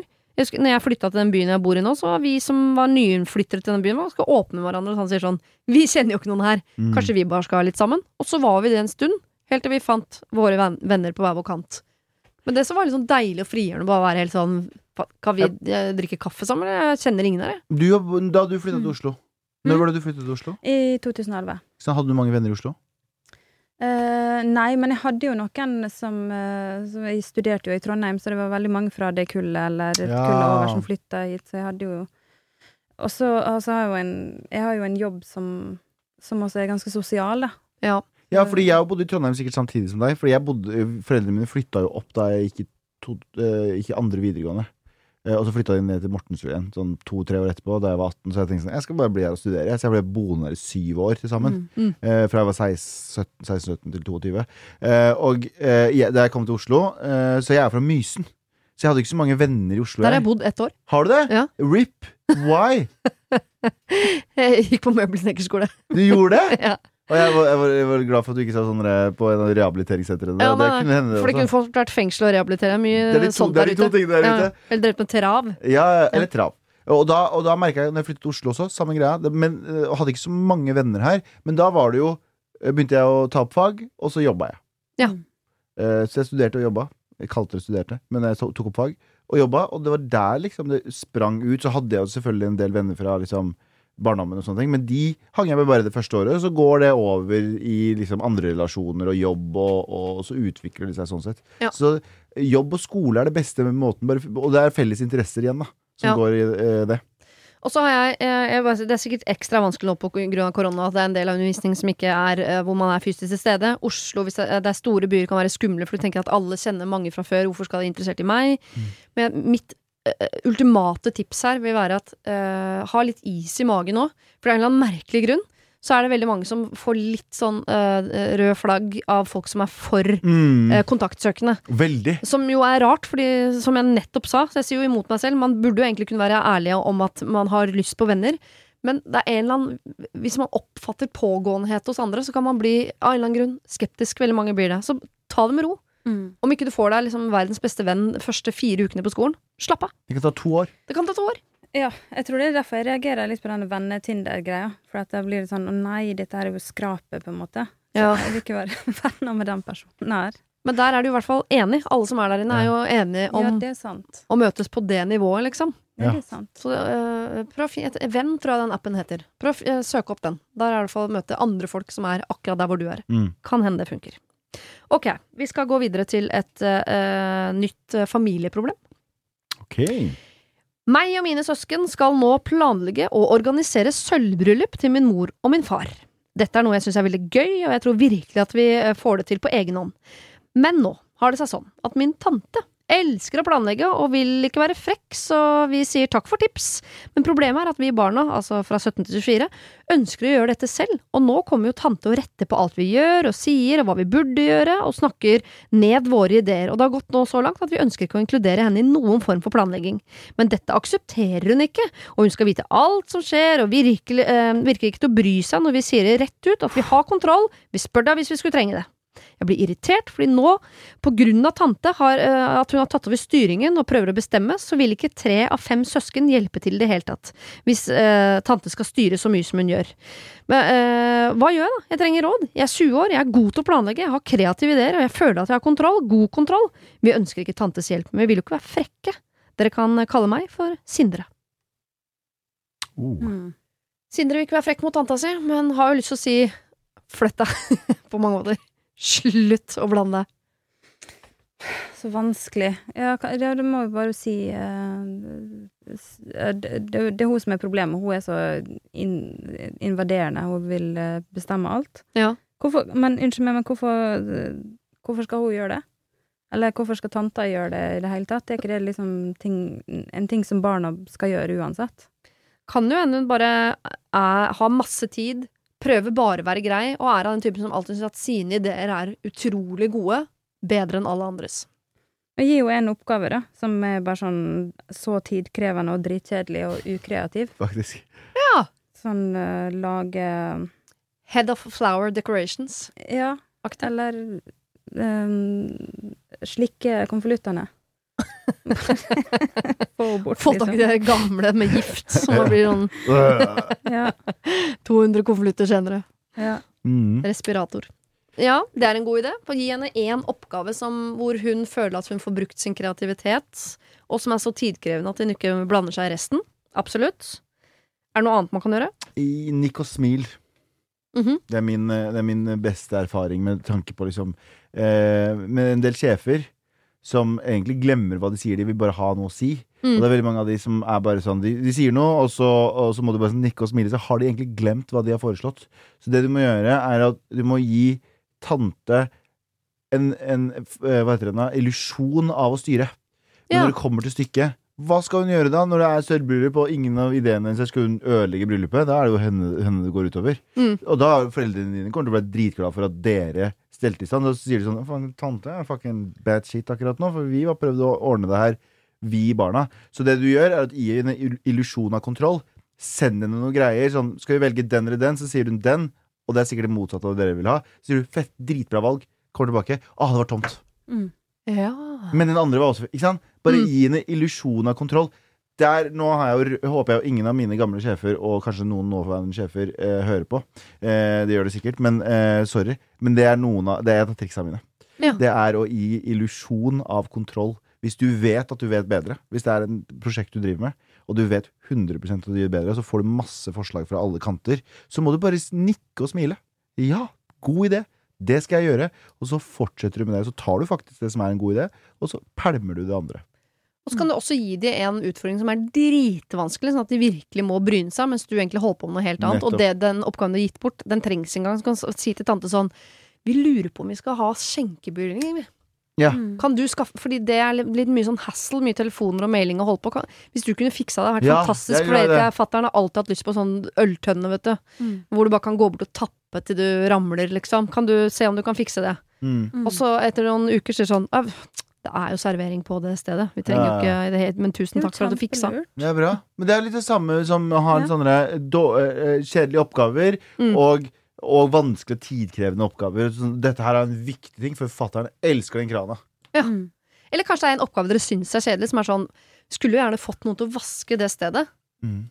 Mm. Gratis, helst. Men tenk om hun er sånn, eh, tenk om hun er sånn bas, eh, litt for basete. Litt for sjefete. Så er sånn Jeg vasker jo ikke. Jeg organiserer. Ja, men Organiser noen til å vaske, da. Ja, det er kjempebra. Ja. Faktisk bra. Mm. Og så kan jo de, de Tanta vet vel ikke om dere søsknene møtes? Fordi nå er det tre av fem søsken som ikke vil være med å planlegge pga. tanta. Da Ja, må du jo bare lage sin egen hemmelige gruppe. Ja, men det er det. Det, det, det gøyeste som fins, er å finne en felles fiende. Ja. Alle, hvis, du er, hvis du er uvenn med Min fiendes fiende er min beste venn, er det ikke noe sånt? da? Mm. Ja, et eller annet sånt. Så de kidsa her, de andre barna Mm. de, Hvis du legger det fram til sånn her Ok, hun er jævlig vanskelig å ha med å gjøre, men dette her er eh, planen vår. Bla, bla, bla. bla Gi henne illusjon, av kontroll. eh, Gi henne kjipe oppgaver. Gi henne kjedelige oppgaver. Og nå har dere gøy med det samtidig som vi planlegger. Så syns alle det er gøy. Mm. Alle syns det er gøy å, fucke med tante Berit. Ja. Eller hva nå enn heter. Sikkert Berit. Sikkert Berit. Høres ut som en veldig Berit. Det er norsk Karen. Men det gøyeste er selvfølgelig å gi en oppgave som man aldri får brukt for. Men det hyggeligste er jo da faktisk gi en oppgave som man trenger. Sånn at i dette sølvbryllupet så er det et eller annet borti et hjørne som hun har ordna. Om det er en kvast, eller om det er en øltønne, eller om det er vaskepersonell, eller et eller annet som står borti en krok og venter. Mm, mm. Jeg tror det er det lureste å gjøre. Ja. Enig. Ok, Get vi skal fuck out! uh, Vi tar litt utroskap til slutt her. Oh, det er det gøyeste. Nei, det er ikke det, altså. Jeg lover. Det er bare gøy å høre om. Kommer an på hvilken side du er på. Ja. Jeg er 39 år og var for, var for inntil to år siden sammen med en mann i 15 år. Dere kan kalle han for Pål. Vi traff hverandre under ryddige forhold der begge var single, og vi flytta raskt sammen. Pål er en fantastisk mann på veldig mange måter, og vi hadde det fint i flere år, selv om jeg følte at de helt store følelsene ikke helt var der. Ikke at jeg tenkte sånn veldig mye på det, men innimellom har jeg gjort det. Da vi hadde vært sammen i ti år, skjedde det noe i mitt liv som gjorde at jeg gikk inn i en dyp krise og etter hvert en depresjon, noe som gikk veldig utover forholdet. I stedet for at vi kom nærmere hverandre, begynte vi å krangle mye, og forholdet vårt ble på et vis kaldere. Likevel hadde vi en fin hverdag sammen, men jeg var mye lei meg, og vi gled følelsesmessig litt til og fra hverandre. Men ble hvert, det ble etter hvert lite sex og få gode og nære samtaler. Midt oppi dette traff jeg han jeg nå er sammen med, og som jeg var utro mot mannen min med. Dere kan kalle han Erik. Vi traff hverandre gjennom jobben min, og følelser eh, jeg fikk for han, eh, slo meg helt ut. Jeg ble hodestups forelsket, og har verken før eller siden følt på en sånn forelskelse. Jeg følte at jeg levde igjen, og jeg glemte alt det vonde, uten at dette er noen unnskyldning, så klart. Likevel syntes jeg det hadde vært grusomt å skulle bryte opp det eh, forholdet jeg hadde, og såre Pål. Jeg eh, skjøv valget jeg visste jeg var nødt til å ta, langt bak i hodet, og håpet jeg på et vis skulle få svar på hva som var riktig å gjøre. I mellomtiden hadde jeg møtt Erik innimellom, eh, og hver gang var like bra. Jeg var åpen med Erik om at jeg syntes det var et veldig, veldig vanskelig valg, og jeg begynte å mislike meg selv mer og mer. Vendepunktet kom da jeg skjønte at Erik hadde flørt også med en annen. Jeg ble skikkelig sjalu og kjente at her var det ingen annen mulighet enn at jeg måtte gjøre det slutt med Pål. Det var forferdelig å forlate Pål, og han ble knust. Jeg eh, eh, har fortalt han noe om Erik, ikke alt. Nå til problemet. Jeg er fortsatt like deprimert, jeg. Jeg sliter enormt med selvbereidelser og dårlig samvittighet. Livet kunne vært veldig bra, Erik og jeg har det fint sammen, men jeg tenker mye på Pål. Det ligger nå en forventning om at vi skal flytte sammen fra Erik og hans families side. Han ønsker seg barn, noe ingen av oss har fra før. I utgangspunktet er samboerskap og barn noe jeg også ønsker meg, men jeg henger igjen i fortiden. Jeg føler jeg våkner utslitt om morgenen, og jeg har begynt å trekke meg unna.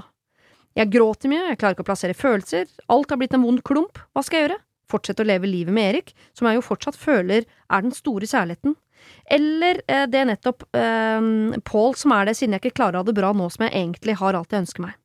Hvordan skal jeg kunne tilgi meg selv når jeg har såret et så fantastisk menneske som jeg er glad i? Jeg har ikke klart å fortelle dette eh, til noen, og i hvert fall ikke Erik, siden jeg da er redd han forlater meg. Samtidig tenker jeg oftere og oftere at jeg burde bryte, siden jeg ikke klarer å komme meg videre. Jeg kjenner sånn på presset om å ta forholdet videre, og jeg har nå så vondt at jeg trekker meg unna alle. Det går utover søvn og helse, og jeg står fast i hvordan jeg skal løse det. Det skal sies at jeg har prøvd terapi rett etter at jeg gikk fra Pål, men syns ikke det hjalp heller. Håper jeg kan få noen tanker fra utenforstående rundt dette, siden jeg absolutt ikke tør å snakke med noen. Kall meg Maria. God damn! Altså, hun klarer ikke altså, Hun- ok, uh, Hun er deprimert, hun er er selvbebreidende pga. utroskapen, hun har ikke klart å slippe på, hun klarer ikke å leve seg helt inn i Erik. Altså, okay. Hun er i limboland. Fordi, okay, fordi jeg trodde jeg klarte å følge, uh, henge med, og så falt jeg ut litt i midten der, og så oh, ja. kom jeg tilbake der. Bare spør. Så hun var sammen med Paul, mm -hmm. ble forelska i Erik. Mhm. eh, innså at Erik hadde en annen flørt, så hun tenkte nå, nå må jeg ta sjansen, ellers så går han fra meg. Så hun ble sammen med Erik for godt, men nå angrer hun kanskje på det, fordi Pål var en veldig fin fyr. Mm. Eh, og angrer på at hun var utro mot Pål, samtidig som at hun var der med Erik. Mm. Og hun fant ut at det å bli sammen med Erik var ikke eh, det som skulle fylle, fylle tomrommet i henne, på en annen måte. Ja. ja, eller så tror jeg at hun timingen etter fordi hun, dette skjedde midt i en depresjon, så klarer hun ikke å slippe Paul helt, for hun har dårlig samvittighet for utroskapen og måten alt det skjedde på. Så klarer hun ikke å gå helt helhjertet inn i det med Erik, fordi hun traff han på litt sånn feil plattform. Du som er så glad i plattformer, vet du. Eh, Veldig glad i ja. eh, så hun klarer ikke nå øh, å egentlig liksom kose seg i noen av valgene hun har tatt, fordi alt, alt hun har gjort, har liksom vært feil. Eh, ja, hun klarer ikke å tilgi seg sjøl, da. Nei. Kan ikke kan ikke um, For hun ville sikkert ikke ha vært så streng mot ei venninne som hadde gjort det samme. Kan ikke hun henge med Har ikke hun noen utro venner? Helt sikkert. Det er sikkert en utro Tinder der ute. Det er garantert en utro Tinder et eller annet sted du kan matche med. Ja. folk. Kan dere sitte og liksom oppmuntre hverandre, liksom? For at det, er jo, det er jo ikke en utilgivelig ting. Selvfølgelig er det det for han Pål, da. Mm. Men for venner er jo ikke det det. Ja, skal jeg være litt hard mot deg? Hva, hva kalte hun seg selv? Hun eh, kaller seg selv for Maria. Maria. Mm. Eh, man the fuck up. Og da mener jeg det som en skjønnsløst uttrykk. Jeg Mhm. beklager. Noen ganger så må du høre det sånn her. Du har tatt et valg som var kjipt for deg. Men du gjorde det mer kjipt for en annen person. Du stakk fra en person. Og, ditt og, og jeg skjønner at da er det sånn oh, Men ikke syns så mye synd på deg selv. Det, jeg, er, sånn, jeg er på den der stram deg litt opp noen ganger. Ja. Fordi det er sånn Ja, det er, det er en tung greie at du har gjort en skjev ting, men nå er du jo nå, Du må for det første finne noen å prate med ordentlig. Mm -hmm. Noen mere. Du må, hvis du ikke funker den ene psykologen, så må du gå til den andre. Så må du gå til den andre fram til du finner det. Akkurat som kjærligheten. Du må faktisk sånn folk, Det folk ikke tenker på når du er i psykisk helse, er sånn derre De tror at one fix all. Det er sånn «Å, 'Dette her har legene sagt funker. Det er Sobril.' Eller det er Valium. Det er ikke det. Test ut forskjellige ting. Bruk tid på å finne riktig psykolog, riktig medisin, riktig behandling. Og det kan ta tid. Fordi så fort du tar den, og så tenker du Men det her funker ikke. Ja, nei, men da er det noe galt på meg som ikke kan fikses. Det er, det, det, det, er, er ikke sant. Kan Jeg er helt enig i at det er jo et eller annet som hjelper, og på et eller annet tidspunkt så hjelper det. Det kan være at det er vanskelig midt oppi. For Hun føler at hun fortsatt står litt midt oppi det greiene med Pål, litt midt oppi det greiene med Erik, og på toppen av det skal hun finne ut av sine ting, som hun også midt oppi At det blir litt mye for henne. Det deiligste for henne er jo å flytte til en øde øy full av eh, psykologer og medisin, og finne ut av ting før hun reiste hjem. Men nå er hun, jo, nå er hun jo med Erik. Hun med Hun Erik. har muligheten til å ta seg Nå skal jeg være veldig sånn eh, idealistisk. Det er kanskje ikke det uttrykket jeg skal bruke. Men eh, hun, er med, eh, eh, hun er med Erik.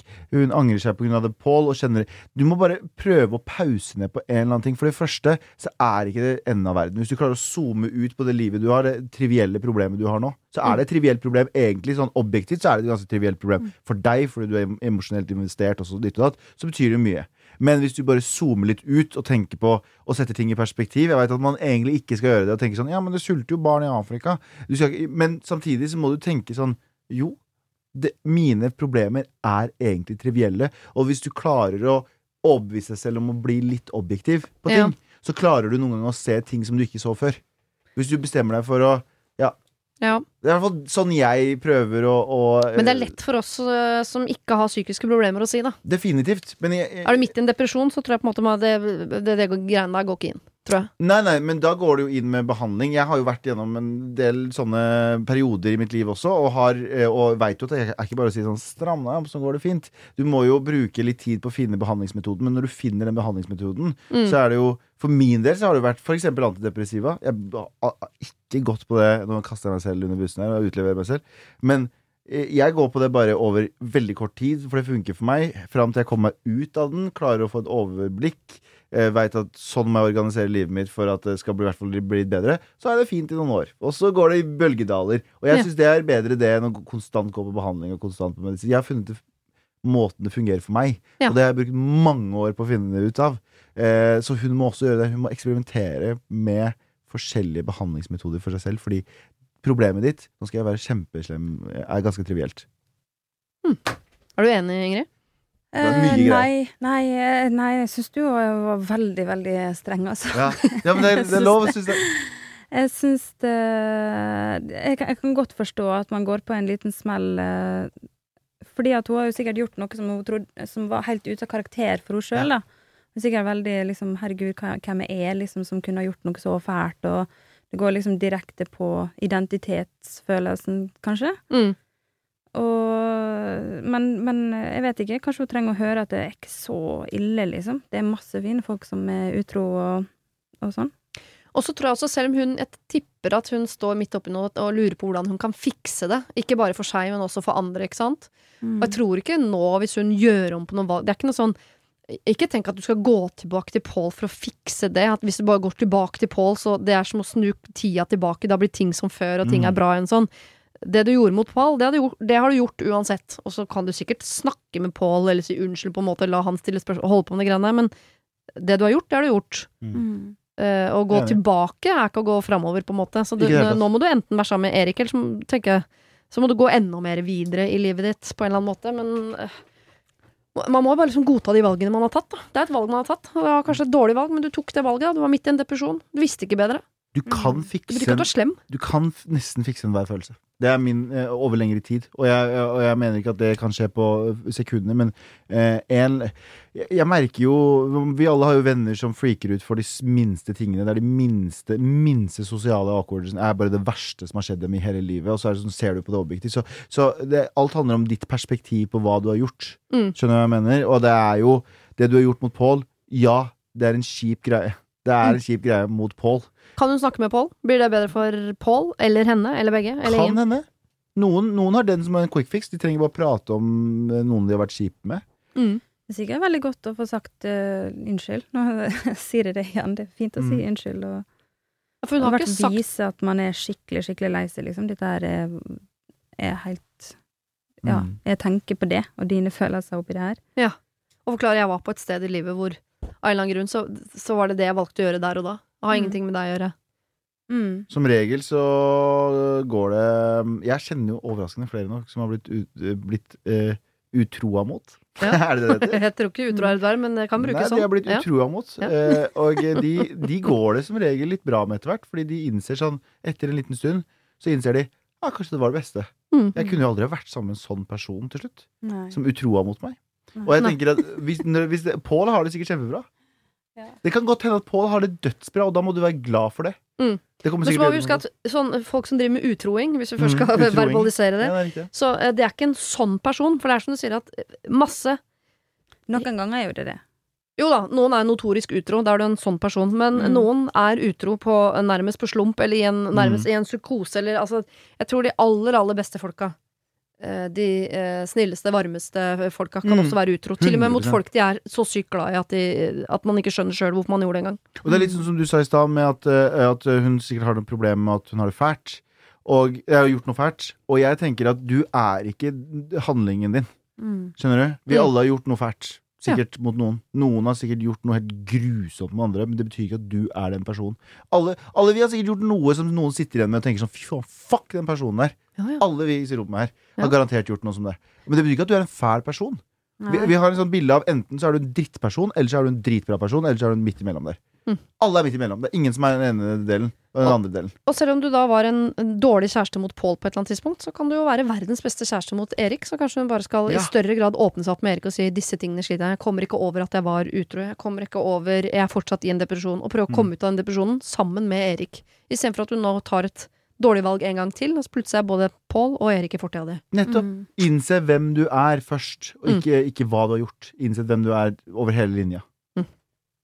Vi avslutta på, en, eh, på et sted hvor det var mye uenighet her. Eh, Ingrid, Kan du syns Galvan var kan- streng. Galvan har rapa. Jeg kan rape, jeg kan rape igjen, jeg, bare for å løse opp stemninga. Right. ble du lei deg når jeg sa du var streng? Nei, jeg, nei, jeg syns det var strengt gjort av deg, og det, da er vi strenge begge to. Okay, det? Nei, det var kjempebra. Så fikk vi eksemplifisert at nå har dere snakket om det, og så er det bra igjen. Ikke sant? ikke sant? Mm. Mm. Tusen takk begge to for at dere var gode hjelpere. Takk selv. Takk for meg. Det var det. Husk å sende ditt problem til siri at radionorge.no om du vil ha hjelp. Denne podkasten er produsert av Klynge for Bauer.